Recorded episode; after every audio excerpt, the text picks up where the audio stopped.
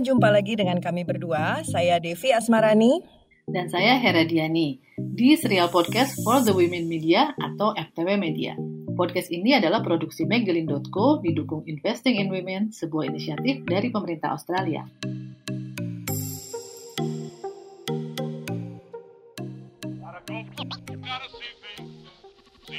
Pada abad ke-21, berita diproduksi terutama oleh laki-laki, menampilkan lebih banyak laki-laki dan dikonsumsi oleh lebih banyak laki-laki. Eh, gimana gimana? Kok tiba-tiba gitu? Ini Her, pernyataannya Luba Kasova. Dia penulis laporan The Missing Perspectives of Women in News.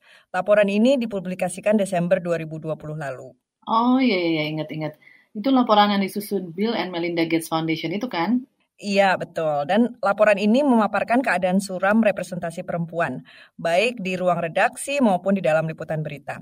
Nah, penelitiannya dilakukan di enam negara, uh, Amerika Serikat, India, Kenya, Nigeria, Afrika Selatan, dan Inggris. Jadi para peneliti itu menganalisis konten berita dan artikel akademis.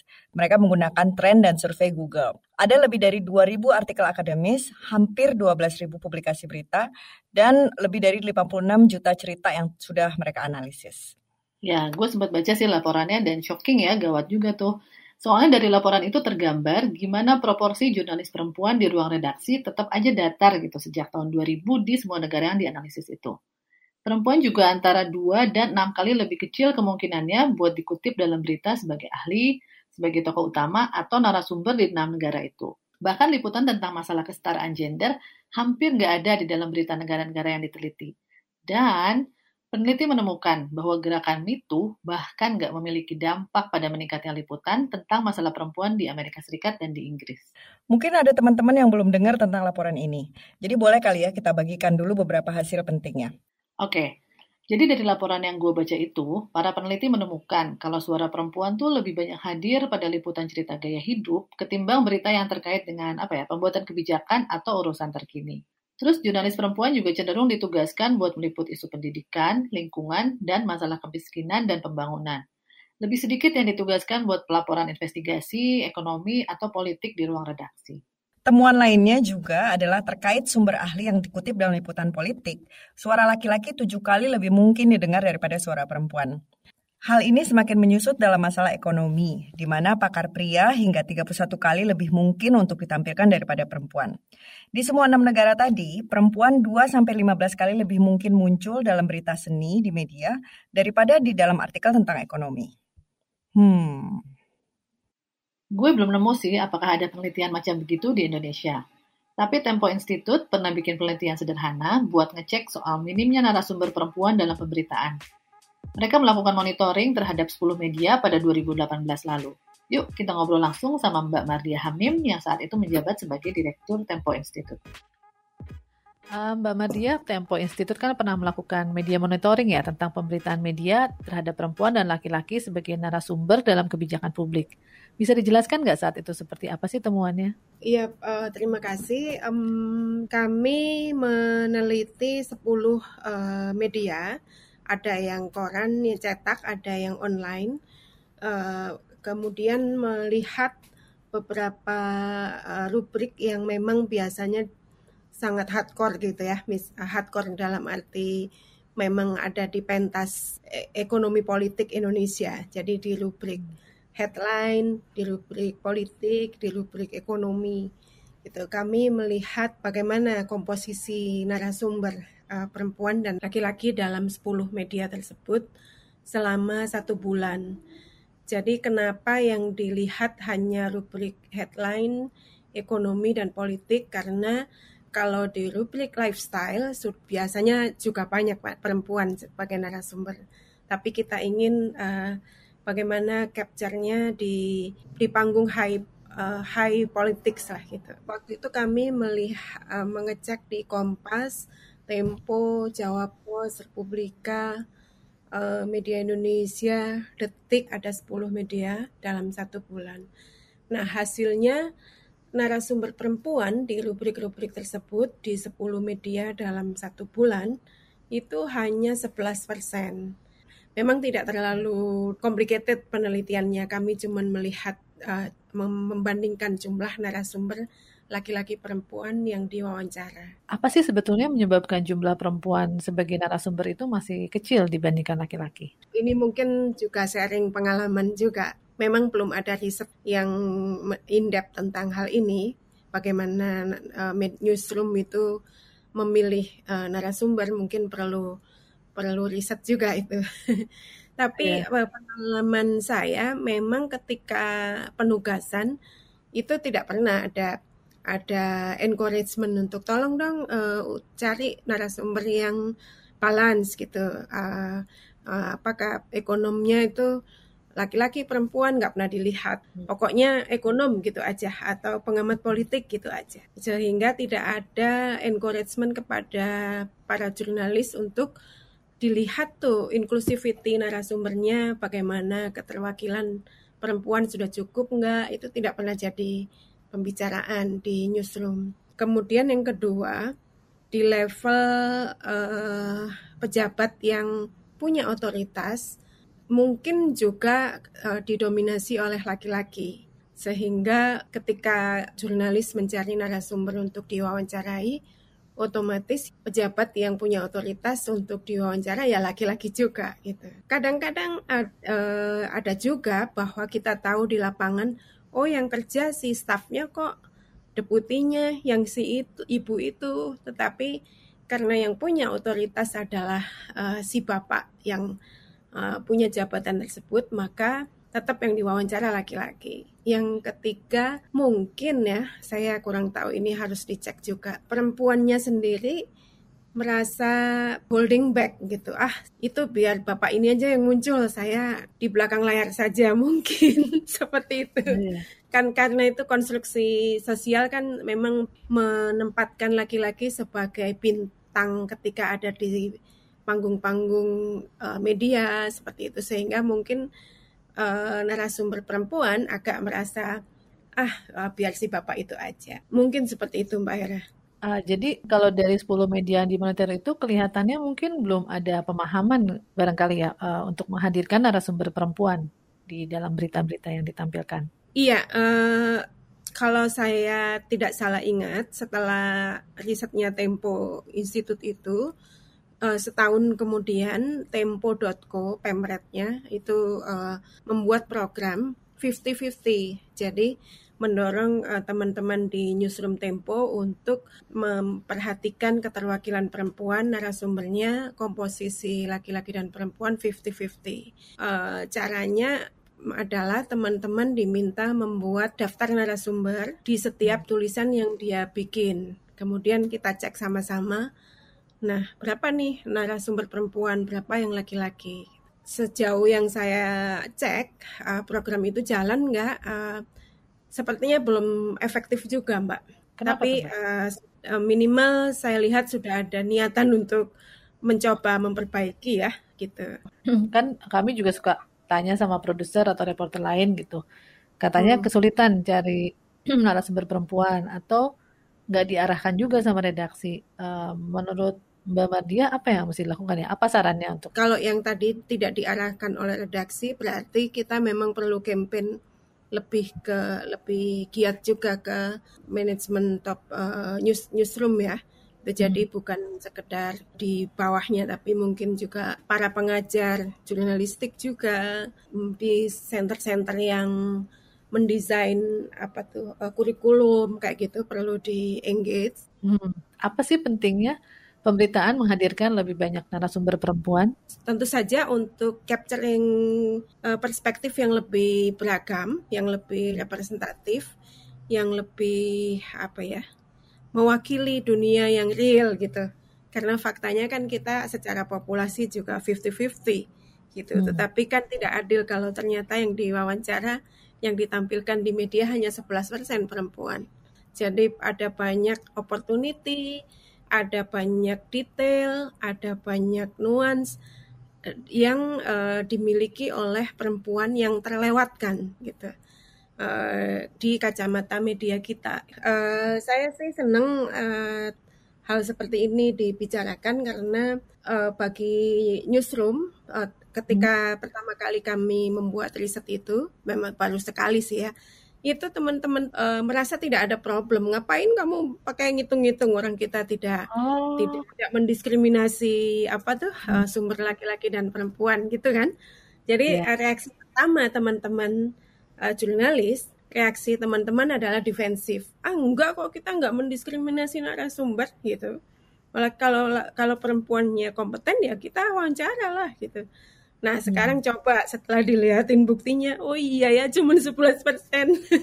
Uh, kalau kelihatan datanya baru ngeh, oh iya memang hmm. ada yang gak beres nih gitu. Bukan hanya narasumber ya, di awak medianya kan juga begitu. Ketika di level reporter, ketika awal hmm. rekrutmen itu 50-50 laki-laki perempuan. Tapi begitu yeah. uh, beberapa tahun kemudian rontok, rontok, rontok sehingga di atas ya didominasi laki-laki gitu. Yeah.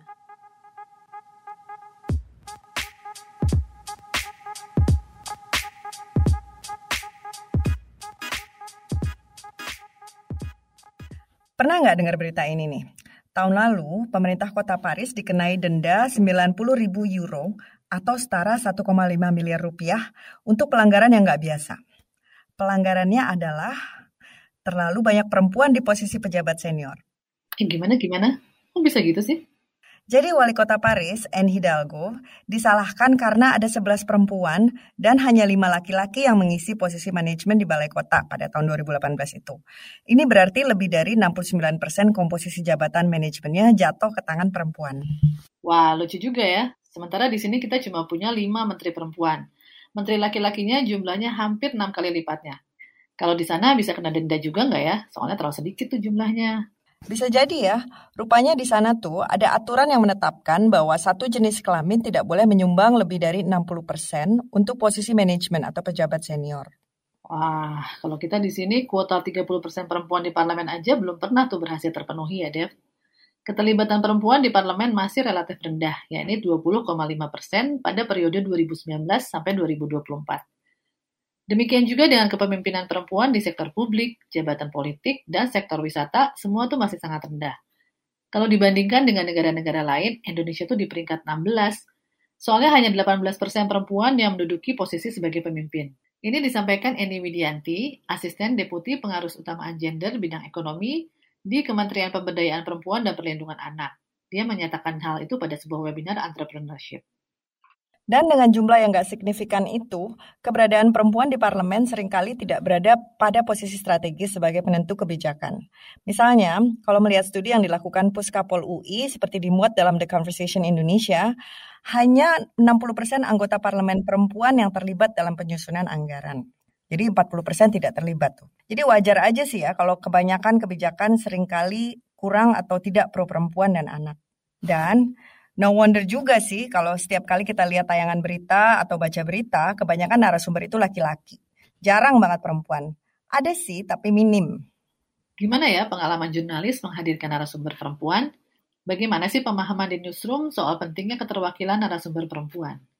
Produser Elma Adisha bertanya pada rekannya. Satu adalah jurnalis perempuan yang bekerja di media ekonomi, Satunya lagi adalah sahabat laki-laki yang bekerja sebagai produser program perbincangan di sebuah perusahaan yang memproduksi konten berita.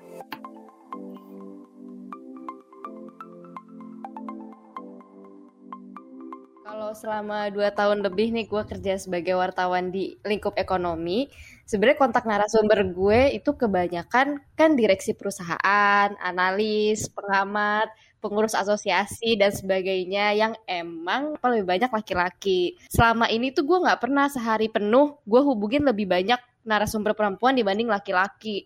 Paling tuh sehari narasumber perempuan gue 2 sampai tiga orang aja atau bahkan gak nyampe tiga orang loh elam cuma paling satu orang gitulah sehari bahkan mungkin sehari gue nggak pernah ngubungi narasumber perempuan sama sekali mungkin gini kali ya karena di ekonomi itu gue kan sehari harinya ngehubungin manajemen perusahaan, jajaran direksi kan emang masih dominan diisi laki-laki.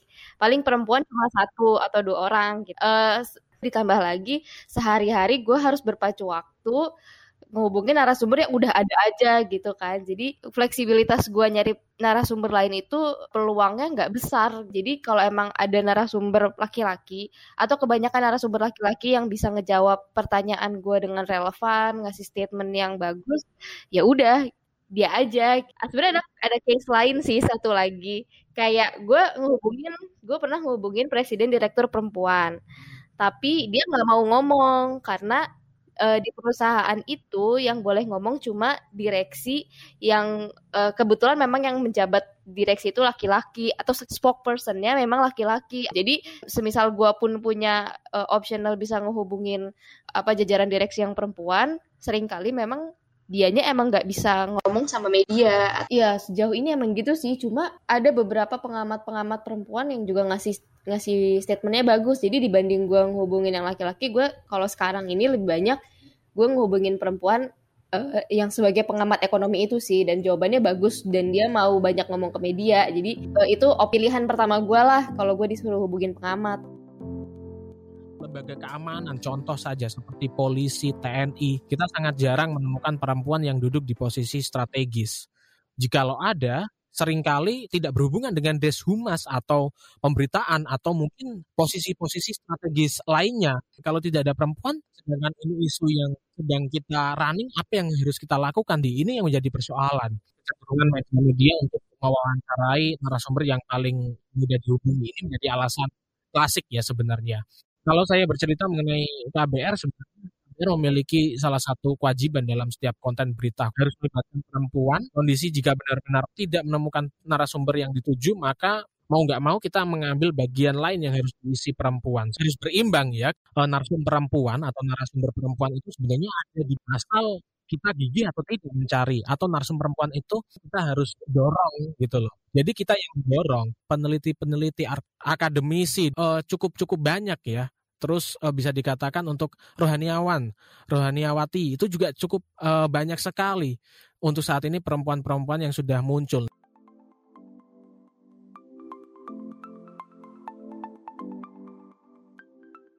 Hilangnya perspektif perempuan di dalam pemberitaan jelas bukan problem sepele sih. Di saat media punya peranan besar soal bagaimana perempuan digambarkan, suara perempuan masih underrepresented.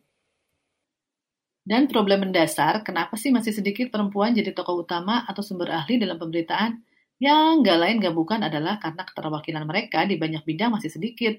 Padahal nih ya, minimnya jumlah perempuan dalam banyak sektor itu akan sangat berpengaruh, terutama pada kebijakan yang terkait dengan kesejahteraan perempuan dan anak. Seterusnya, situasi ini memperbesar hambatan terhadap kesetaraan gender. Nah, kawan kita Tunggal Pawestri, aktivis perempuan sekaligus konsultan gender dan HAM, berupaya mengisi gap narasumber perempuan dengan menghadirkan womenlimited.id. Halo Tunggal, apa kabar? Baik Devi, kamu juga apa kabar? Baik, baik. Thank you sudah berada di sini. Nah, aku mau nanyain soal Women Unlimited ID. Itu kan kalau nggak salah baru-baru ini di launch ya, atau di launch ulang atau bagaimana? Mungkin bisa diceritakan sedikit tentang itu. Ya, jadi uh, aku uh, bersama teman-teman dari PPMN, kalau aku mewakili dari Yayasan Hivos, uh, kami memang baru meluncurkan ulang uh, platform kami taruh di sebuah situs ya, namanya womenunlimited.id ya, sebuah platform di mana uh, kita menghimpun itu menjadi database nama-nama perempuan atau profil-profil perempuan yang kita anggap uh, capable dan punya kualitas serta kredensial uh, untuk bicara terhadap isu-isu tertentu begitu. Tahun 2017 kami pernah meluncurkannya tapi memang masih dalam prototipe bentuknya. Jadi ada uh, ini kan kemudian dapat input ya dari teman-teman media, dari teman-teman perempuan juga yang namanya ditampilkan di situ. Uh, mereka memberikan kami input uh, bagaimana cara um, membuat orang-orang bisa lebih mudah mengaksesnya. Nah, kemarin itu eh, ya beberapa revisi kemudian dilakukan uh, ya berdasarkan masukan dari teman-teman media terutama. Mm-hmm. Bisa dijelaskan nggak sih siapa aja sih perempuan-perempuan ini dari mana aja misalnya latar belakangnya yang dan bagaimana uh, menentukan kategorinya begitu? Hmm. Nah ini uh, di awal ketika kami bangun prototipenya itu memang uh, kami baru memfokuskan pada teman-teman perempuan yang selama ini bekerja di NGO atau lembaga di LSM lah, lembaga swadaya masyarakat. Dan um, mereka latar belakangnya kebanyakan memang aktivis perempuan dari jaringan yang selama ini dimiliki oleh HIVOS. Nah, karena HIVOS adalah sebuah lembaga pembangunan yang selama ini memberikan dukungan ke banyak lembaga atau NGO di hampir seluruh Indonesia. Nah, kami kan punya kami punya tuh database atau di internal kami, kami punya banyak kontak dan banyak sekali kami kenal dengan perempuan-perempuan hebat dari seluruh Indonesia, bukan hanya uh, tersentralisir di Jawa ya, tapi juga dari uh, Kalimantan, Sulawesi, uh, Sumatera begitu. Nah, itu yang kami coba uh, masukkan ke dalam database itu. Jadi memang baru dari jaringan kami sendiri begitu. Nah, meskipun uh, pada perjalanannya kami juga mengundang dari jaringan yang lain untuk memberikan rekomendasi nama. Jadi kami juga mengirimkan surat kepada beberapa organisasi di luar jaringan kami untuk memberikan rekomendasi nama tentu saja karena HIVOS bekerja untuk banyak isu, jadi kita bisa uh, apa ya menghadirkan teman-teman perempuan tuh dari orang-orang yang ah, punya keahlian di isu misalkan tambang, pangan, di luar isu-isu yang selama ini mungkin dikerjakan sering dikategorikan atau diserotipkan sebagai isunya perempuan begitu. Jadi kita juga ada untuk isu pesisir, laut gitu ya, nelayan, eh, masyarakat adat itu uh, kita punya beberapa nama dari perempuan-perempuan yang bekerja di sektor itu. Hmm. Ini uh, kalau ngomongin soal narasumber, uh, narasumber perempuan terutama ya, kita bisa uh, lihat bahwa memang masih sedikit gitu ya di di cover oleh media atau digunakan oleh media untuk uh, dalam peliputan mereka. Salah satunya ya juga yang kurang itu dari kalangan pejabat publik. Saat ini masih kebanyakan laki-laki. Uh, kalau misalnya kita ngomongin soal policy, soal issues gitu yang di luar tadi isu-isu perempuan yang related ke perempuan. Gimana pandangan tunggal soal ini? Ya, um, mimpinya sih memang uh, platform ini juga bisa memuat nama-nama pejabat publik yang kami anggap punya perspektif uh, dan juga bisa kita selalu kontak begitu. Nah, tapi kan memang ada persoalan. Persoalannya adalah kalau bicara soal pejabat publik, mereka sering sekali mereka rotasi. Ada uh, apa uh, prosedur atau birokrasi kalau bicara soal pejabat. Ya, kita sih tetap ya coba mencari beberapa tokoh-tokoh atau pejabat-pejabat yang memang uh, quite easy going untuk bisa dimintai pendapatnya, uh, terutama terhadap isu perempuan misalnya. Tapi ya itu uh, sekarang gini, kayak misalkan kita punya kontak yang bagus nih di the ESDM ya di energi sumber daya mineral.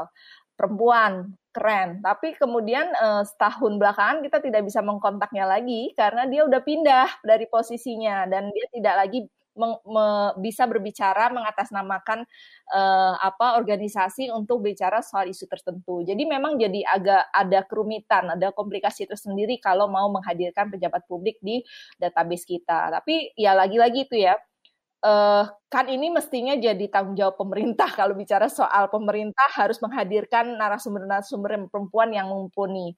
Nah, kalau kita kan memang mengisi gap itu, mengisi gap dari kelompok masyarakat sipil, dari orang-orang yang memang ahli, uh, jadi dari akademisi begitu yang uh, bisa kita taruh di platform ini. Nah, kalau untuk dari pejabat pemerintah itu ya mungkin uh, belum prioritas ya, tapi uh, dipikirkan ke depan akan juga dipikirkan untuk memasukkan mereka. Mm-hmm.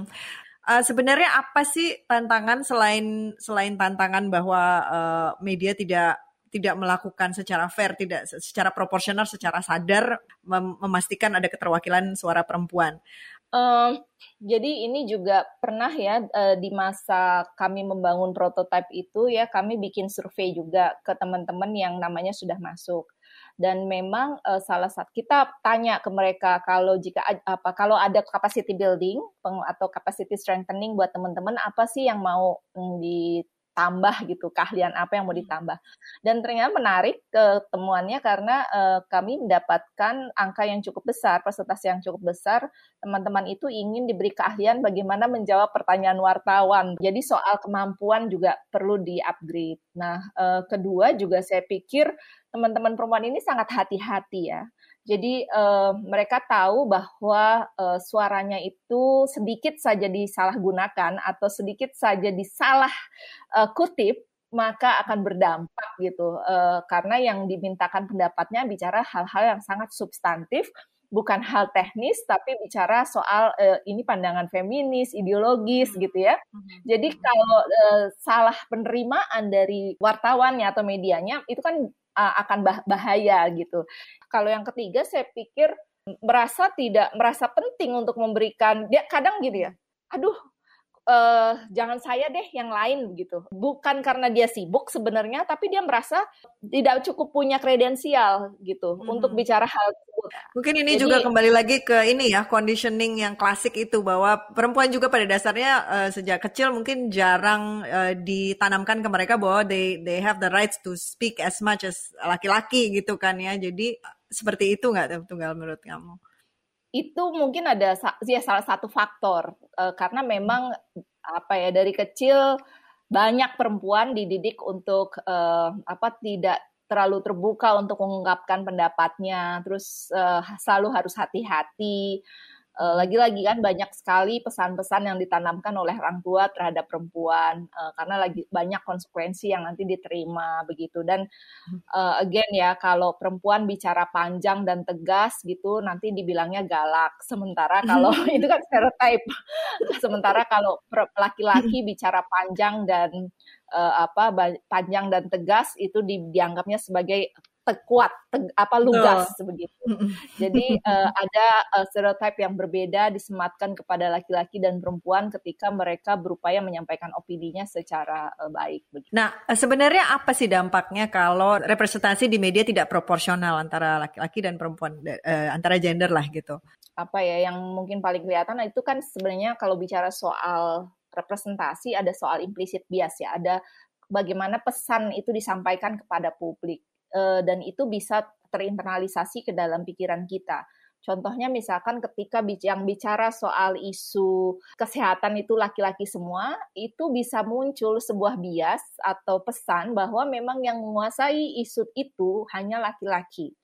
Begitu pula juga sebenarnya dengan isu perempuan. Kalau bicara soal isu perempuan, perempuan semua itu juga sebenarnya menimbulkan ada implisit bias bahwa memang isu ini cuma bisa dibicarakan oleh perempuan gitu. Jadi eh, hal-hal seperti ini yang sebenarnya memang harus dihindari. Uh, itu implisit bias yang pertama. Terus kedua, memang kan memang ada satu keraguan gitu bahwa uh, perempuan bicara bukan berarti dia nanti akan menyuarakan isu perempuan atau dia akan uh, mempromot soal keadilan gender gitu kan itu ada ada uh, apa kritiknya begitu. Dan menurut saya uh, it does make sense gitu. Makanya di dalam uh, apa di dalam platform womenunlimited.id itu sebenarnya salah satu pertanyaan kunci karena untuk ada di dalam platform itu bukan semua orang bisa terdaftar, Dev.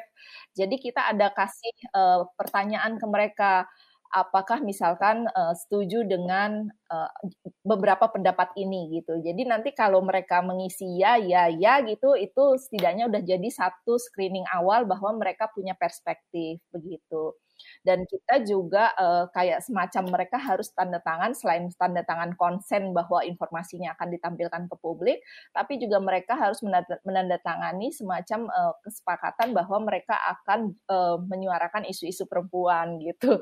Jadi hmm, di, udah dikunci orang-orang yang ada di dalam profil perempuan-perempuan yang ada di dalam womenunlimited.id setidaknya mereka sudah uh, juga bikin pledge bahwa mereka akan menyuarakan isu-isu perempuan. Mereka diharapkan juga bisa menyuarakan perspektif yang uh, mungkin tidak terpikirkan oleh eh, narasumber laki-laki ya. seperti itu. Dan hmm. jadi kalau buat gue sih sebenarnya nggak terlalu muluk-muluk ya, tapi setidaknya menyampaikan pesan kepada publik bahwa jenis-jenis isu tertentu itu bukan hanya di dipahami dan hanya dikuasai oleh uh, satu apa uh, jenis kelamin tertentu atau gender tertentu itu yang setidaknya um, mau kita ubah perspektif. Oke, okay. thank you Tunggal. Terima kasih banyak ya.